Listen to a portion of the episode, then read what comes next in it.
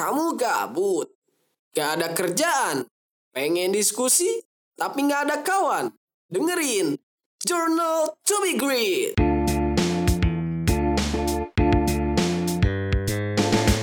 Assalamualaikum warahmatullahi wabarakatuh. Selamat pagi, siang, sore, dan malam. Hai Sosius, bertemu kembali di podcast Journal to be Great di segmen JTBJ Talk bersama gue Raisa dan gue Rifki. Dan di episode sekarang kita masih membahas tentang SNMPTN. Lebih tepatnya kita mewawancarai siswa-siswi yang lolos SNMPTN nih. Jadi sekarang ada siapa aja Sasa? Sekarang udah ada Jangan dulu disebutin biar nanti aja mereka yang kenalan. Oke. Jadi di episode kali ini masih dalam seri masuk kuliah untuk beberapa episode karena kita ingin menggali informasi terlebih dahulu dari teman-teman kita alumni SMA 1 Ciawi supaya mereka bisa berbagi untuk sosius-sosius kalian yang sekarang mungkin duduk di bangku SMA. Oke, mungkin sebelum membahas tentang gimana SNMPTN, kayaknya kita harus perkenalan dulu nih sama bintang tamu. Betul betul. Jadi sekarang udah ada dua bintang tamu ya, masih alumni SMAN 1 Ciawi. Siapa aja Ki? Siapa aja nih? Ah kepo. pasti sosius kalian pasti kepo ya. Eh enggak deng, pasti dia udah baca dulu dari judul. Oh iya ya, pasti udah pada tahu nih siapa namanya. Oke deh, langsung aja mungkin. Eh, Oke, assalamualaikum warahmatullahi wabarakatuh. Waalaikumsalam. Perkenalkan, nama saya Idan Nur Apipah. Alhamdulillah saya lolos di prodi kimia di Universitas Pendidikan Indonesia eh, lewat jalur senam PTN. Oke, selanjutnya Eh, perkenalkan nama saya Dewi Febi Familia. Saya dari prodi akuntansi eh, Universitas Siliwangi lewat jalur senam PTN. Sebelum kita, oh ya, kita throwback eh, dulu ya. Jadi gimana pertamanya kita eh, host aku sama Rivi ketemu sama mereka. Jadi kita berempat itu dari dulu se SMP sama se SMA ya kan? betul betul. Nah, eh, sekarang aku mau cerita dulu nih gimana ceritanya pertama kali aku ketemu sama Indah. Jadi aku pertama kali ketemu Indah pastinya di SMP Ciawi ya. Cuman dulu tuh belum kenal, cuman tahu oh itu orangnya. Terus nama juga belum tahu gitu nggak sih Indah? Iya benar. Soalnya waktu itu pas SMP itu saya itu orangnya pemalu banget gitu lah. Jarang keluar kelas. Eh, mungkin pas istirahat pun cuma jajan aja gitu langsung ke kelas gak ke misalnya gak main ke kelas orang atau gimana. Jadi orang-orang pun gak, gak kenal gitu sama aku.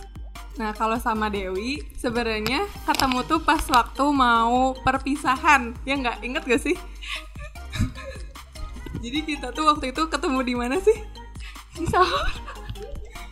Iya, eh, kita tuh waktu itu ketemu di salon. Soalnya kebetulan waktu itu kita eh, mau persiapan Oh, jadi kalian perpisahan. nyalon.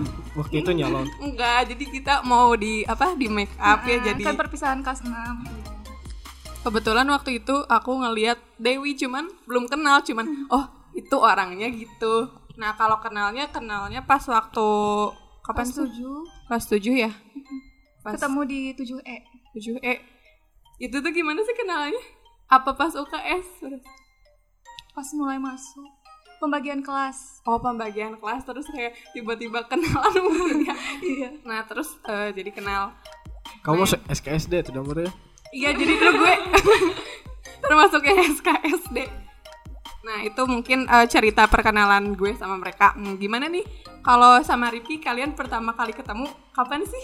Bisa share. Eh, waktu ketemu Rifki itu pas emang sih pernah pernah ngedenger ya nama Rifki Anjir Mustafa. pernah ngedenger. Soalnya dia itu kan nam- eh, pas waktu daftar itu kan eh, berada di peringkat ke satu kedua. Di mana? Pas masuk pas masuk, Masuk. SMP Kedua. kedua ya. Nah waktu tapi belum kenal sih belum kenal wajahnya gimana ya. Pas kenal kenal itu pas kelas 9 Soalnya emang kan emang kenalan? Hah, enggak, cuman cuman lihat mukanya kan kita tetangganya eh, sebelahan ya. Oh, Jadi oh emang kamu lihat- 9B. Iya, 9B. Oh sembilan. Baru tahu. Iya. gue juga baru tahu. Iya, Kak, ah, dah belum dah karena nanti dah bina gitu tah eh, kalau misalnya ke, ke SMP itu kan orangnya pemalu gitu. Jadi kan keluar eh, jarang keluar kelas. Ya mungkin orang-orang gak tahu gitu. Saya. gitu. Jadi mungkin kita gua sama Indah kenalnya itu di SMA. Gue juga sama sama Indah di SMA kebetulan. Kita eh, pas Imada ya. Ya. Ya, gitu. saya school. Kalau udah, kalau Dewi gimana nih? Eh, aku ketemu Rifki pas lomba matematika SD eh, sebangku tapi belum kenal kenal banget.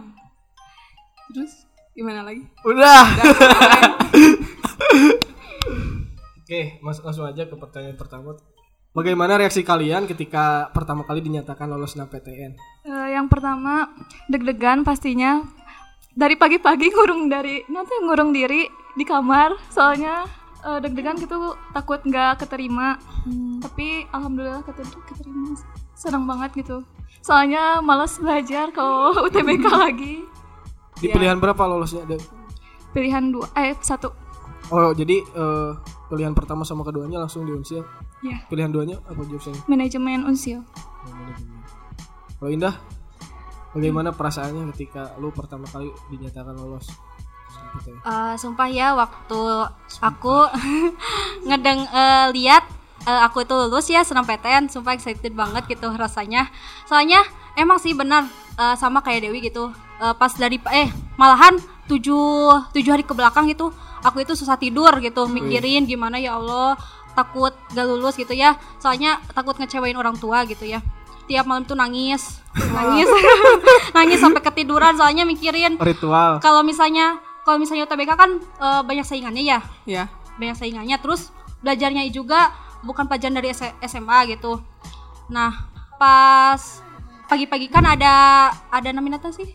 Sosialisasi ya dari LTMPT aku itu lihat di di YouTube gitu. Oh gini gini lihat di UPI banyak ke eh, ternyata banyak pe- pendaftarannya ya. Di situ aku deg-degan banget gitu tah. Gimana Deg-degan. deg-degannya? deg-degan gitu. Eh keringet dingin keluar padahal kan hujan gitu ya udah ke kamar ke ruang tamu kamar ke ruang tamu. Eh, bapak cuma liatin aja gitu neng gimana? Lolos gak bapak belum. Apalagi sinyalnya itu kan lagi errornya banyak yang masuk. Nggak bisa dibuka ya Allah. Lihat di WA pas Dewi snap udah lulus. Tambah deg-degan gitu ya takutnya gak lulus. Apalagi kan lihat-lihat kan aku jurusan eh pilihan pertama kan pendidikan biologi ya lihat pas grade-nya banyak gede gede banget gitu kan takutnya gak lolos sedangkan sedangkan pas eh, pilihan kedua kan kimia ya ada juga yang sama gitu sama jurusannya tapi dia pilihan pertama kan takutnya itu yang dapat gitu saya sekolah itu teh.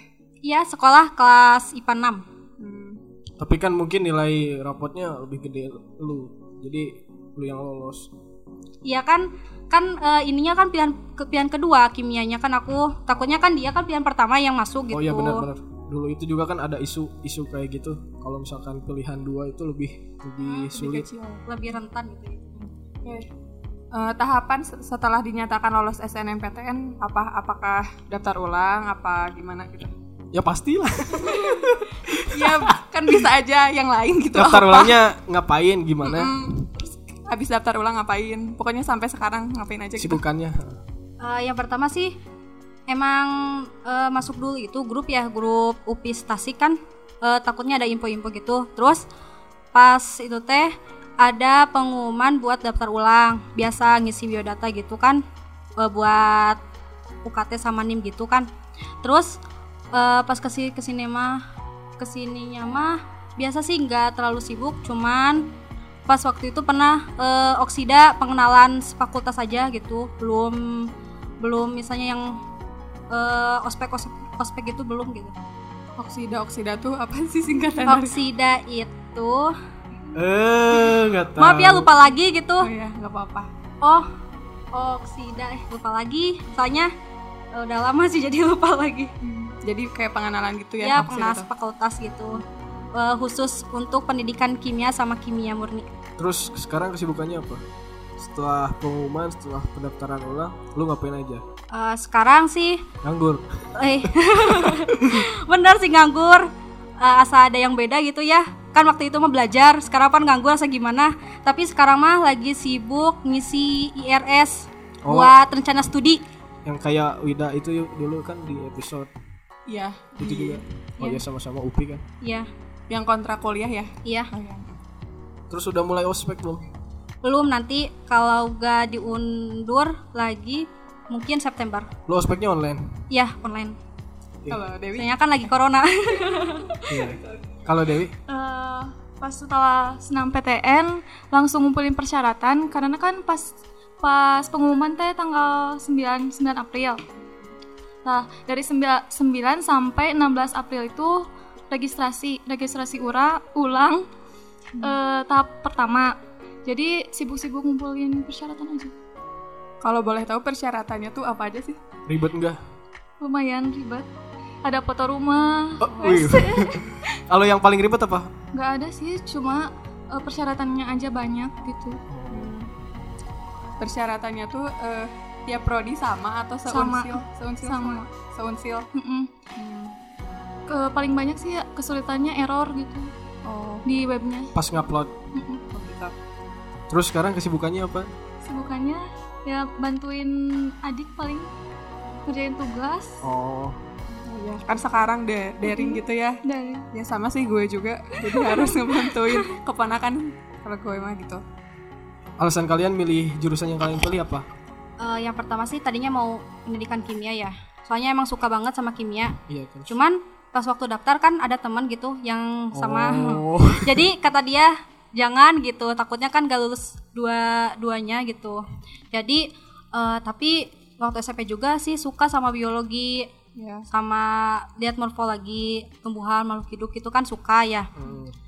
eh ya udah deh aku coba dulu eh, yang pendidikan biologi soalnya emang suka terus kalau kimia itu kan eh, adanya kimia murni aja ya maksudnya teh eh, kalau pendidikan kimia kan udah sama teman ya ya udah karena aku suka kimia ya udah jadi pendidikan kimia murni eh jadi kimia murni aja gitu daripada daripada salah ju- jurusan gitu. Eh, milih kimia itu kan eh, waktu kecil kan emang cita-citanya mau kerja di lab gitu ya. Keren gitu bisa. Ngapain? Kan ya orang-orang banyak kerja di lab, ada yang ngambil sapu, sapu. Enggak, bekerja kerja kayak kerja kayak profesor. Profesor gitu kan soalnya keren gitu ya pakai jas warna putih gitu. Terus saya campur-campur larutan gitu, bikin eh larutan yang baru atau gimana gitu ya. Apalagi sekarang gitu. Mau masuk. Soalnya aku itu kalau eh, misalnya lulus ya maunya Bikin. kerjanya tuh di Jadi apa? BPOM Ngapain? Badan Pengawas Obat Makanan. Ya misalnya neliti kan kan eh aku itu kan kalau misalnya pilih makanan itu kan pilih-pilih ya soalnya kan eh mau lihat itu teh si dalam kandungan itu apa aja gitu gak mau asal makan Ya. itu Oh, jadi semua makanan nanti lu bakal lihat gimana Kalau komposisinya. bisa. Oke, oke. Kalau Dewi gimana? Apa eh, alasan lu milih eh, jurusan itu? pas pertama mah pengennya teh pendidikan matematika terus berubah lagi jadi statistika berubah lagi terus eh nanya we ke teteh mendingan mana kata teteh akuntansi aja cina biar sama kayak teteh gitu Oh, jadi alasannya karena ada ada ada bisikan-bisikan dari Bisikan dari luar. Tapi ada gak alasan yang yang itu pure dari diri itu? Oh, Iya. gua pilih ini nih karena alasannya menurut gua adalah seperti ini seperti ini. Eh mungkin cepat nyari kerjanya Oke. biar kayak kan teteh aku eh, langsung kerja gitu di PLTA gitu jadi pingin kayak dia Biasanya kerjanya ngapain aja? ya di kantor Jadi akuntan. iya Hmm, terus gimana sih kalian caranya memil- eh, menentukan jurusan kuliah? Terus eh, pilihan satunya apa, pilihan duanya apa, terus kuliahnya di mana gitu? Mengapa bisa milih seperti itu gitu? Strateginya bagaimana ketika kalian memilih jurusan-jurusan yang kalian pilih itu di S6PTN sehingga kalian bisa lulus gitu. Pasti ada strategi dan tips tertentu. Yang pertama kan eh, seperti yang dibilang tadi nyaranin akuntansi. Ta- Tadinya teh mau milih Unpad tapi peluangnya itu kecil. Eh, kalau Unsil kan eh, peluangnya lebih besar. Terus rata-rata yang keterima di Unsil itu dari jurusan IPA yang akuntansinya. Terus nanya-nanya gitu. Kalau di Unsil ada nggak sih alumni dari akuntansi sendiri itu? Ada kayaknya.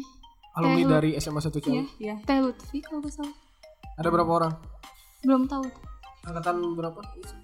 Udah dua tahun atau baru tahun kemarin? Kayaknya beberapa tahun. Oh udah udah cukup lama. Iya. Itu IPA atau IPS dulunya? Nggak tahu tah. ada kata kata teman-teman itu juga gak nanya langsung gitu Kalau di Semanik ada nggak sih yang daftar akuntansi sama di Unsel juga? ada Ada. IPS malah Gak lolos tapi. iya Waduh. Bisa gitu ya? Sama kayak Wida kemarin kan juga. Iya, heeh, bener-bener. Jurusan IPS tapi yang lolos malah IPA. Ah, bener. mungkin di Unsil sendiri eh, nargetin yang IPA soalnya kan eh, pas aku nanya jurusannya pasti IPA yang rata-rata yang akuntansi Kalau syarat masuk jurusannya IPA IPS gitu. Iya kayaknya Kalau ini Dari SMK bisa nggak? bisa ada Oh ada. Kalau Indah gimana nih? Ah lupa pertanyaannya apa? Pertanyaannya apa sih? Gue juga lupa. ya, lo gimana sih? Eh, strategi eh, menentukan Oh, iya, kuliah. itu.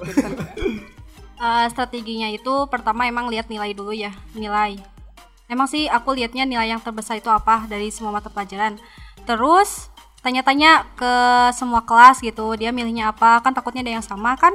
Kan tadi juga ada yang isu gitu. Kalau misalnya ada yang sama eh, prodinya atau jurusannya itu nanti takutnya dua-duanya gak lolos atau salah satunya gak lolos gitu takutnya gitu. Aku Tapi sih isu itu itu terbantahkan dengan yang kelas IPS 4 itu kan? Lolos 6 PTN di jurusan yang sama di universitas yang sama. oh siapa? Siapa? Gue baru itu siapa tuh? Eh Laini, Laini sama teman sebangku ini siapa? Yang lulus di hukum unsur? Eh, tuh? Oh, Siti Sulastri. Ah, Heeh. ah. Emang sama jurusannya? Ya, sama Bukannya Leni mah ekonomi UPI. hukum unsur Oh, katanya. sama. Yang di data itu salah kata kata Leni langsung ketika ya dulu pas pas apa pas reuni Oh, gitu. baru tahu sekarang jadi nambah info ya terus terus Udah beres. kalau di kimia ada yang dari IPS enggak?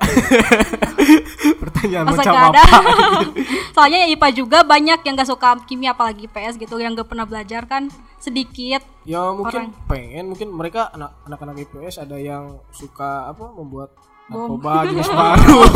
bom nuklir ya. Atau bisa aja mereka anak IPS tapi penasaran gitu pengen eh, tahu kimia masuk kan bisa aja juga. Tapi nggak ada ya?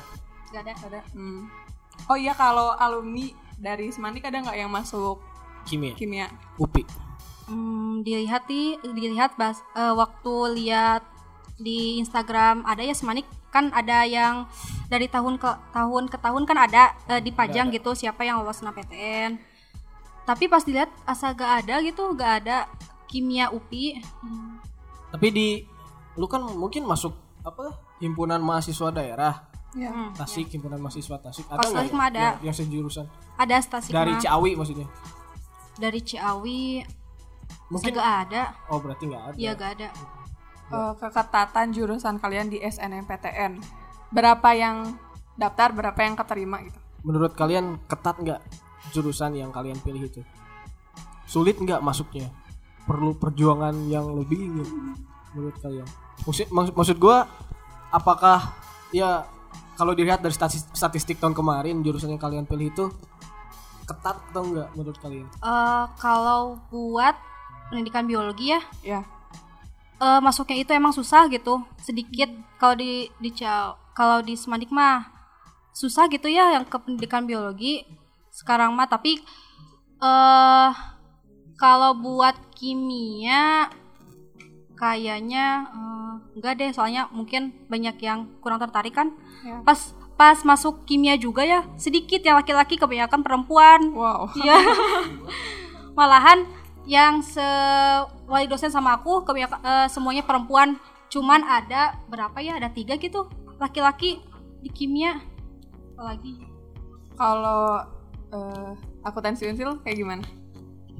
Kalau menurut aku mah ketat soalnya kan eh, akuntansi akuntansi unsil itu eh, bisa dibilang yang pertama di sosum urutannya akuntansi terus manajemen gitu. Sesum unsil. Iya. Eh, yang keterima berapa orang di SNMPTN sama pendaftarnya berapa gitu? Angkatan sekarang Ya. yang lolos senam PTN. Kalau yang keterima mah 40. Tapi kalau yang daftar mah belum tahu. 500 lebih mungkin. Terus yang eh, di Unsil ada himpunan mahasiswa Tasik nggak? Iya ada nggak sih? pertanyaan macam apa ya kan maksudnya agak gimana ya Bias- biasanya di universitas lain misalkan ada himpunan mahasiswa Tasik terus kalau di Tasik sendiri Ada di sih? kampus Tasik sendiri ada nggak ma- himpunan mahasiswa Tasik Mungkin belum ada. Gak tahu belum ada, gak tahu belum masuk. Oh iya, Eh, ada nggak sih nilai khas di jurusan kalian di eh, akuntansi Unsil? Ada nggak? Juru? Kan nilai khas itu mungkin disembunyikan ya Oh, universitasnya. Jadi belum tahu sih. Paling matematika mungkin. kalau Dewi sendiri paling gede nilainya berapa? Eh, pelajaran apa? Pelajaran apa? Matematika. Hmm. Kalau Indah? kimia lah mungkin bukan prakarya. Biologi. Oh. Tapi gak masuk anehnya. Bagaimana sih perkembangan nilai kalian dari tiap semester? Apakah ada yang turun atau terus naik atau terus stabil? Gimana? ini teh per mata pelajaran atau semuanya? Per mata pelajaran? per mata pelajaran. Alhamdulillah sih buat semua mata eh ada satu yang turun matematika minat turun. Yang awalnya misalnya dari semester 1 itu si nilainya itu 90 tapi pas semester 2 jadi 89 Gak tahu itu tapi alhamdulillah sih untuk semuanya itu naik kecuali itu yang matematika minat Kalau rata-rata nilai Indah berapa? yang kelas 12 eh yang, Yang dipakai keseluruhan SNMPTN? keseluruhan Yang dipakai SNMPTN? 90,1 Ranking paralel ke berapa? Eh, alhamdulillah kedua belas Wih, kirain kedua Dua, dua. kirain kedua belas. Kalau Dewi nilai yang pa eh Nilai rapot. nilai rapot Ah, yang di dipakai SNMPTN.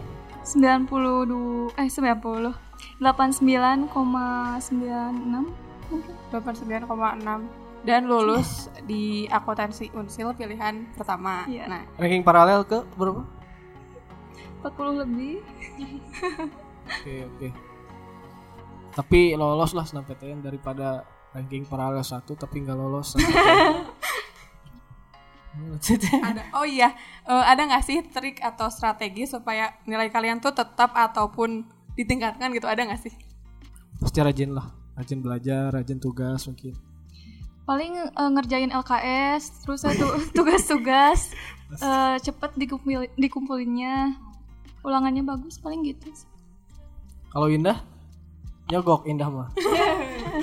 Enggak dong Eh, kalau misalnya mau naik ya mau naik nilainya yang penting itu belajar jangan lupa doa karena kalau misalnya belajar tanpa doa itu kan sombong Ya. Terus kalau misalnya doa tanpa belajar itu kan sia-sia ya.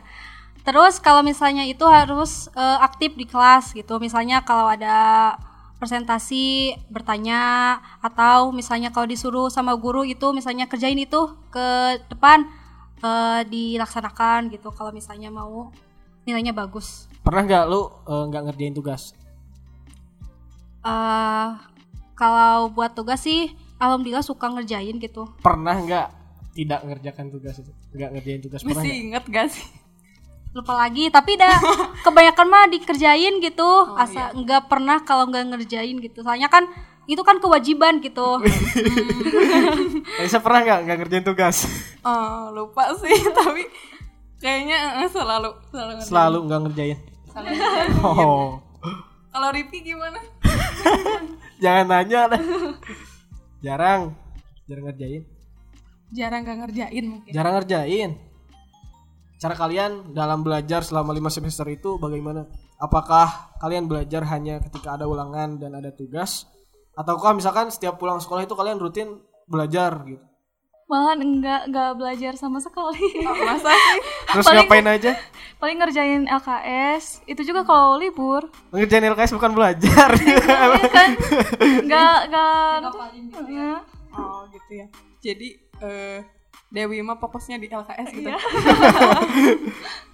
Kalau Indah kalau aku sih jujur ya emang jarang belajar kayak ngafalin gitu emang kalau misalnya ngafalin tuh pas waktu ulangan aja gitu Eh buat ngejain LKS juga emang kadang suka lihat suka lihat sama teman gitu ya soalnya kan eh, banyak banget tugas ya Iya. Eh, yang pelajaran inilah pelajaran itulah kadang suka juga stres gitu nggak kewalahan belajar gitu. ya soalnya ah udah capek ah apalagi ikutan osis kan Mm-mm. pulangnya itu sampai maghrib gitu Oh gitu.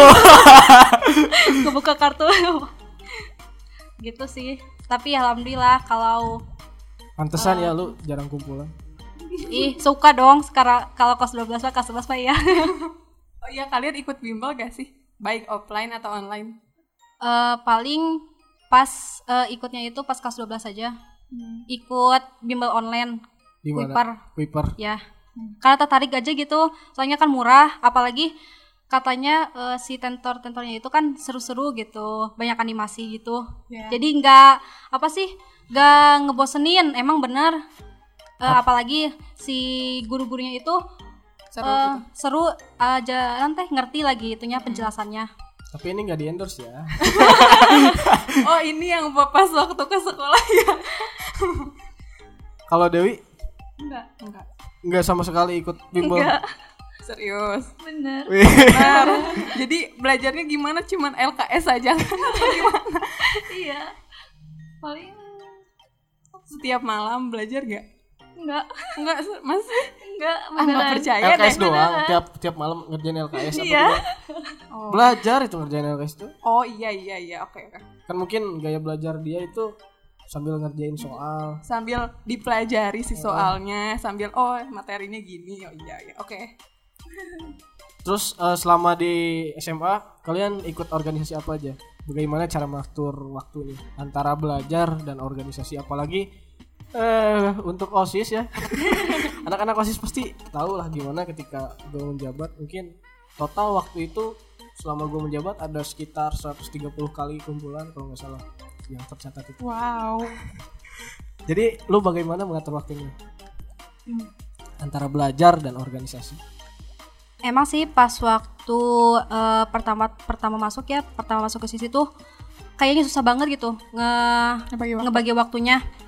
Apalagi apa apalagi ini banyak tugas. Mm-mm.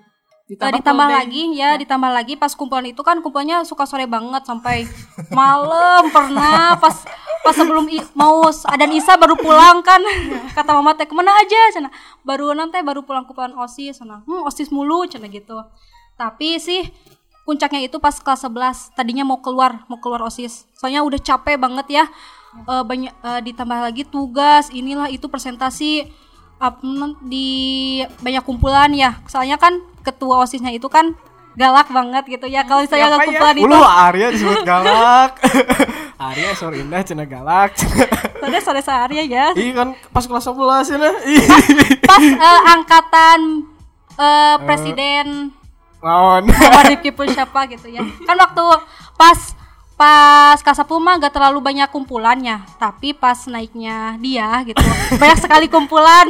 Jadinya udah ah udahlah eh, mendingan keluar aja daripada capek nantinya dan na- nanti sakit gitu kan. Eh, punya riwayat tipes ya kalau kecapean pasti kan bakal ngedrop gitu. Tapi sih kalau udah kelas 12 ternyata seru juga gitu makin deket kan sama si anggota osisnya jadi dibawa enjoy aja Eh, si belajarnya juga alhamdulillah nggak ketinggalan gitu soalnya bisa ngebagi waktu kalau kelas 12 mah gitu Jadi eh, emang beradaptasi dulu gitu ya sama Ya. yang luar sekolah. ya Tapi gue baru tahu loh Indah. Lu waktu kelas 11 mau keluar. Aduh. Wah, kenapa ya makanya kan pernah pernah marahan sama Rifki waktu itu inget gak Oh, oh. Eh, eh, lupa. Nah itu mah ada alasannya gitu, nggak nggak. Ya bukan mau keluar. gitu. Mm-mm. Jadi ya ya let it flow aja waktu itu. Nggak nggak takut dia keluar. Gitu. Soalnya bukan gua yang salah gitu, saya waktu itu itu. Oh gitu ya, Oh, ya. bener.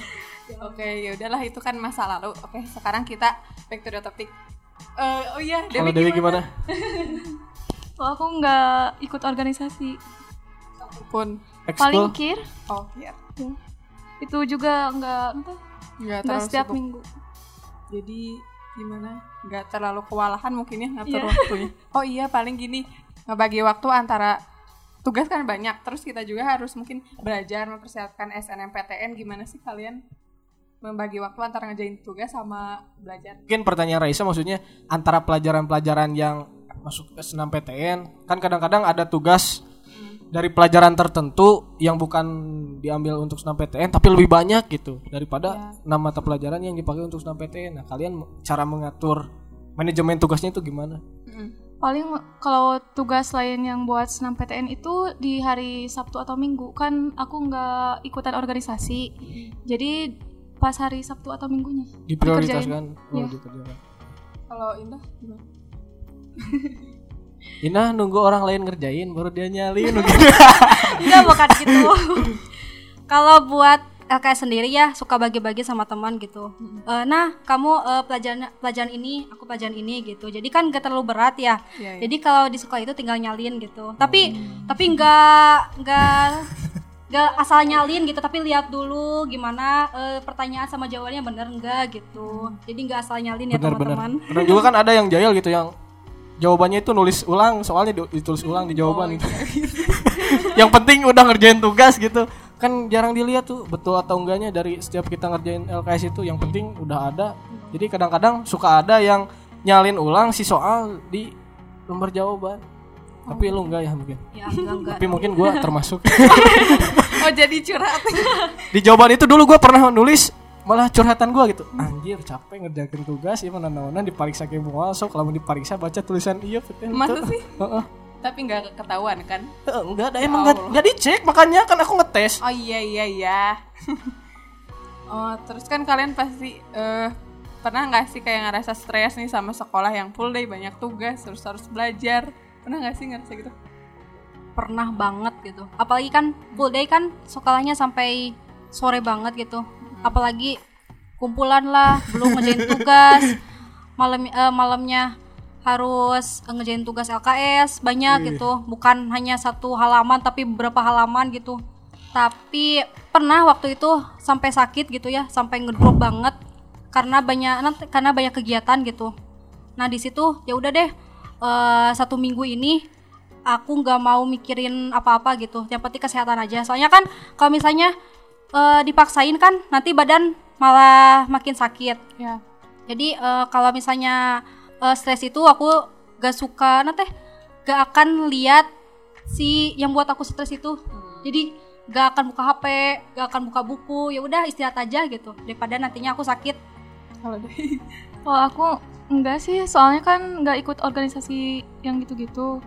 Jadi nggak Terus ada nggak sih ketika ka- kalian malas belajar gitu ada kan pasti eh, saat-saat di mana ah lagi malas ah mau belajar ngerjain tugas motivasi kalian tuh apa sih supaya tetap konsisten belajar Nah, bisa supaya bisa ngebalikin mood belajar ya paling dinasehatin orang tua gitu. Kenapa nggak belajar? Gitu. Harusnya belajar, bla bla bla bla bla. kalau indah ya. kalau ketika aku lagi malas belajar ya motivasi terbesar aku itu orang tua. Karena eh, untuk apa gitu orang, orang tua siapa? Orang tua saya. Untuk apa gitu ya orang tua capek-capek cari kerja dari pagi sampai malam buat anaknya sekolah tapi anaknya males-malesan. Iya, aku sampai berpikir gitu ya Allah kalau aku misalnya kalau misalnya aku malas belajar jadi orang bodoh jadi pengangguran gitu ya jadi sampah masyarakat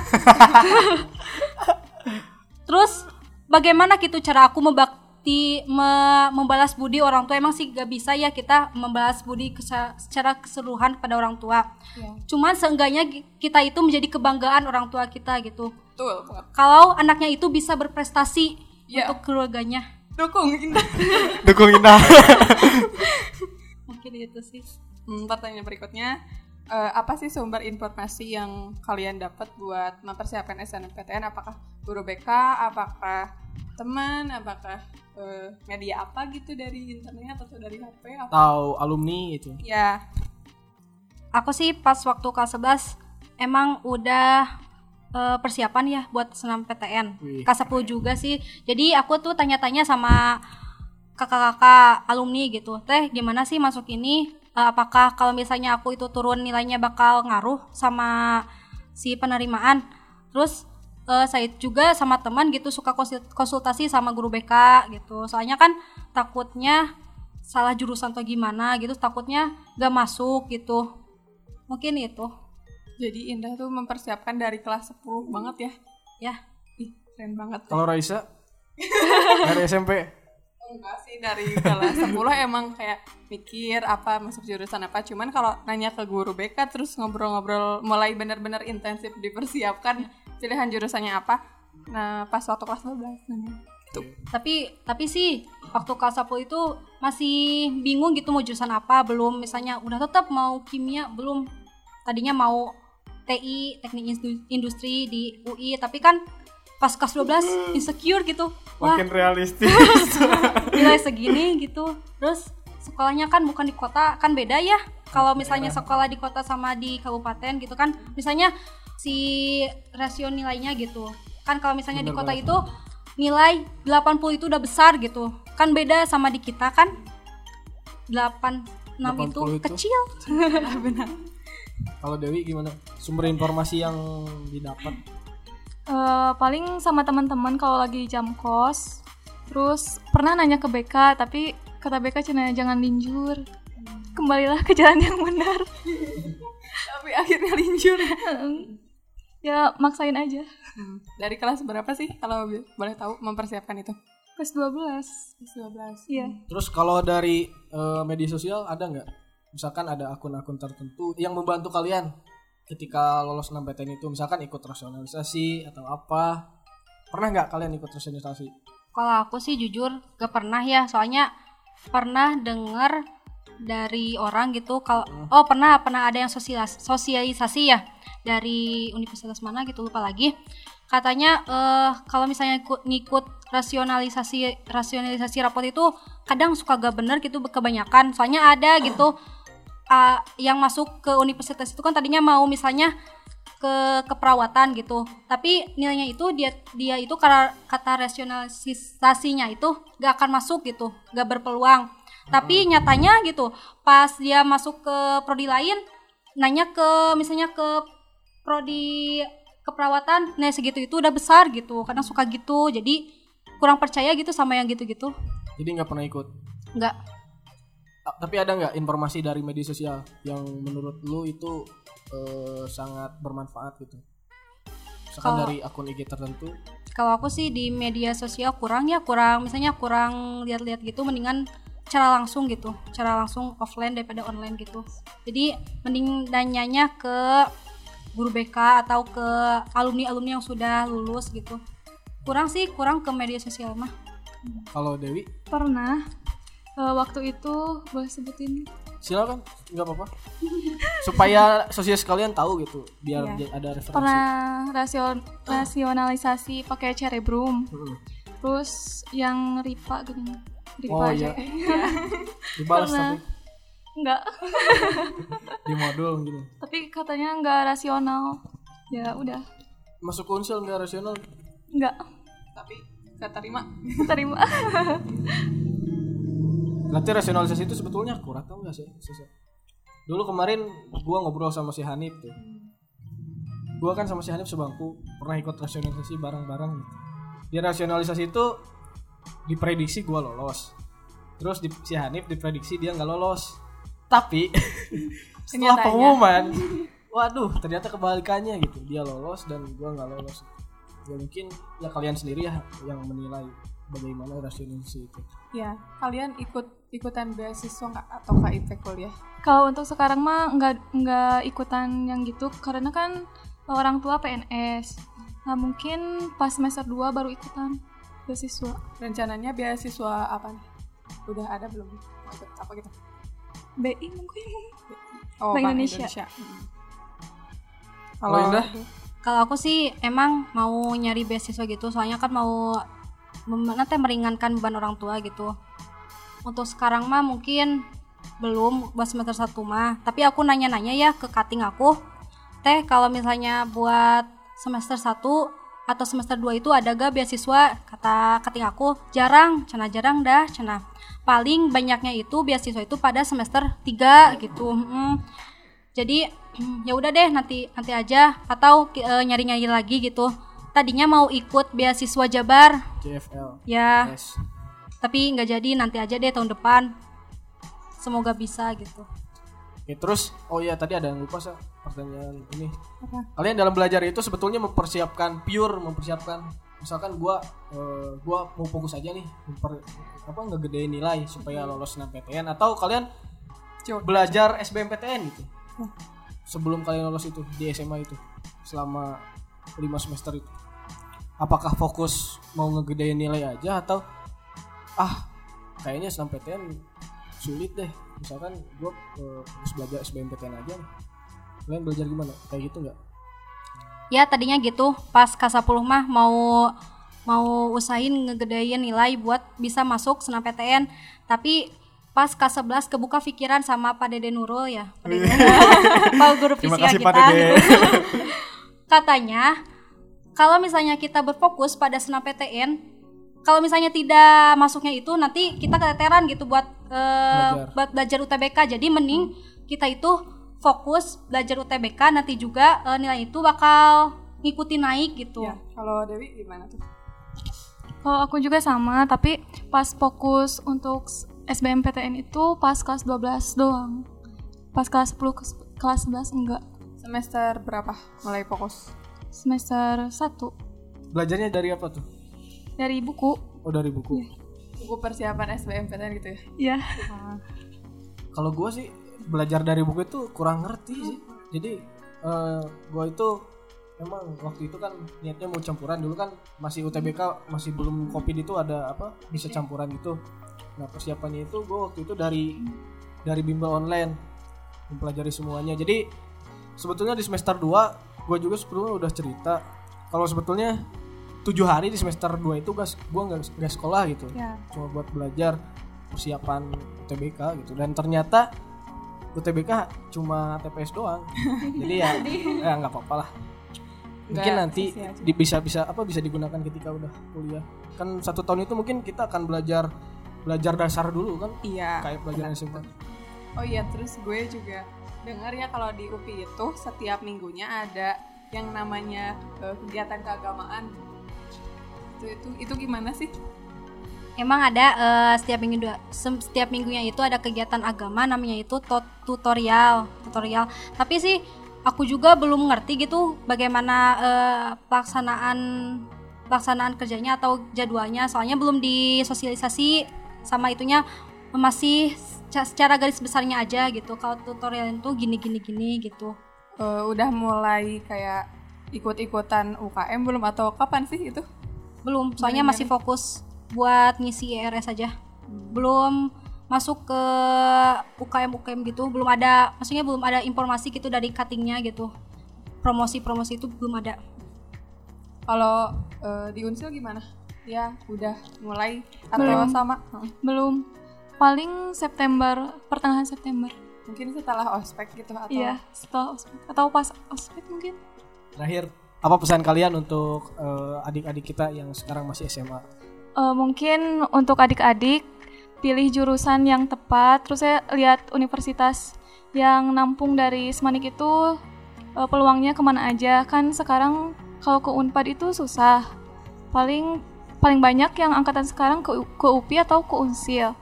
Terus eh, apa ya persiapkan juga UTBK soalnya kan susah-susah sekarang mah ya.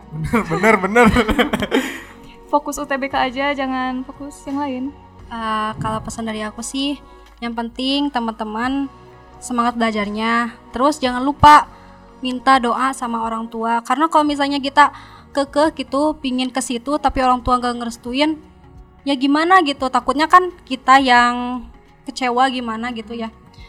Eh, jangan lupa belajar. Terus eh, jangan terlalu fokus pada senam PTN karena kita gak tahu penilaiannya itu gimana gitu. Tapi fokus aja sama UTBK.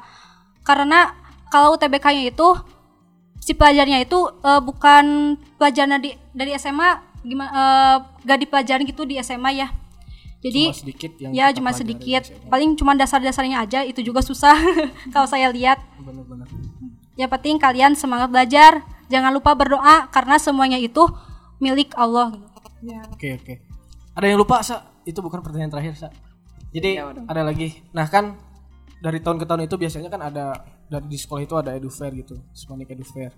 Nah kalau di angkatan kita nanti kalian mau nggak jadi panitianya misalkan kalau misalkan ada yang ngajak nih ada yang ngajak misalkan orang eh, orang lain lah bukan bukan berarti kita gitu kan kita hanya nanya aja gitu kalian mau nggak kalau misalkan ada orang yang satu angkatan misalkan yuk udah angkatan kita bikin Sonic Edu Fair jangan jangan kalah sama angkatan kemarin misalkan mau nggak jadi panitia atau jadi jadi apa tuh yang yang yang ngasih ngasih informasi informasinya Caranya gitu.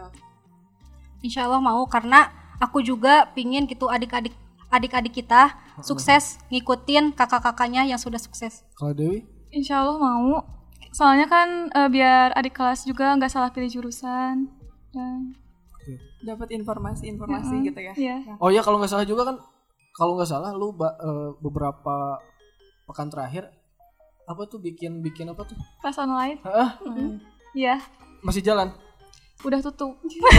Kenapa tutup? Soalnya kan eh, mendekati itu mendekati persiapan kuliah. Oh. Jadi diberhentiin dulu. Eh, terus eh, anggotanya kan lagi sibuk-sibuk daring gitu. Oh, tapi ada niatan buat jalan lagi nggak? Ada. Gimana kalau misalkan nanti Sasa, Sasa kamu jurusan apa sih? Jurusan pendidikan biologi sama pendidikan bahasa Inggris. Nah, kalau- Daftarnya. Nah, nah, kalau nanti kalian lulus misalkan, gua kira ini saran dari gue ya. Kalau kalau misalkan kalian apa tuh, kolaborasi gitu, bikin bikin kelas online bab- eh, apa sama-sama gitu, sama Indah juga misalkan, sama sama teman-teman yang lain lah. Gue kira itu bakal bagus nih kalian untuk yang jurusan pendidikan supaya meningkatkan skill dalam mendidik juga sih. Iya sih menarik juga. Boleh juga tuh kayaknya. Apalagi daring. Iya iya. Oh gitu ya, lu jadi ikutan kelas online gue baru denger jadi jadi jadi jadi tutor. Hmm, gitu. Oke. Oke, karena pertanyaannya sudah habis, juga waktunya udah kelamaan. Demikian aja untuk episode kali ini. Terima kasih sosius kalian yang sudah mendengarkan. Terima kasih juga Indah dan Dewi Febi sudah berkenan hadir untuk berbagi pengalamannya di podcast kita. Semoga sosius pendengar sekalian dapat mendapatkan manfaat dari episode kali ini. Sebelum gue tutup, gue ingin menyampaikan pesan terlebih dahulu dari salah seorang pahlawan Republik Indonesia, Tan Malaka. Beliau pernah berkata, tujuan pendidikan itu adalah untuk mempertajam kecerdasan, memperkukuh kemauan, serta memperhalus perasaan. Sekali lagi, terima kasih atas perhatiannya. Gue Rifki Musapa. Dan gue Raisa Zahra. Jangan menunggu hebat untuk memulai sesuatu. Lakukan sesuatu untuk menjadi hebat. Assalamualaikum warahmatullahi wabarakatuh.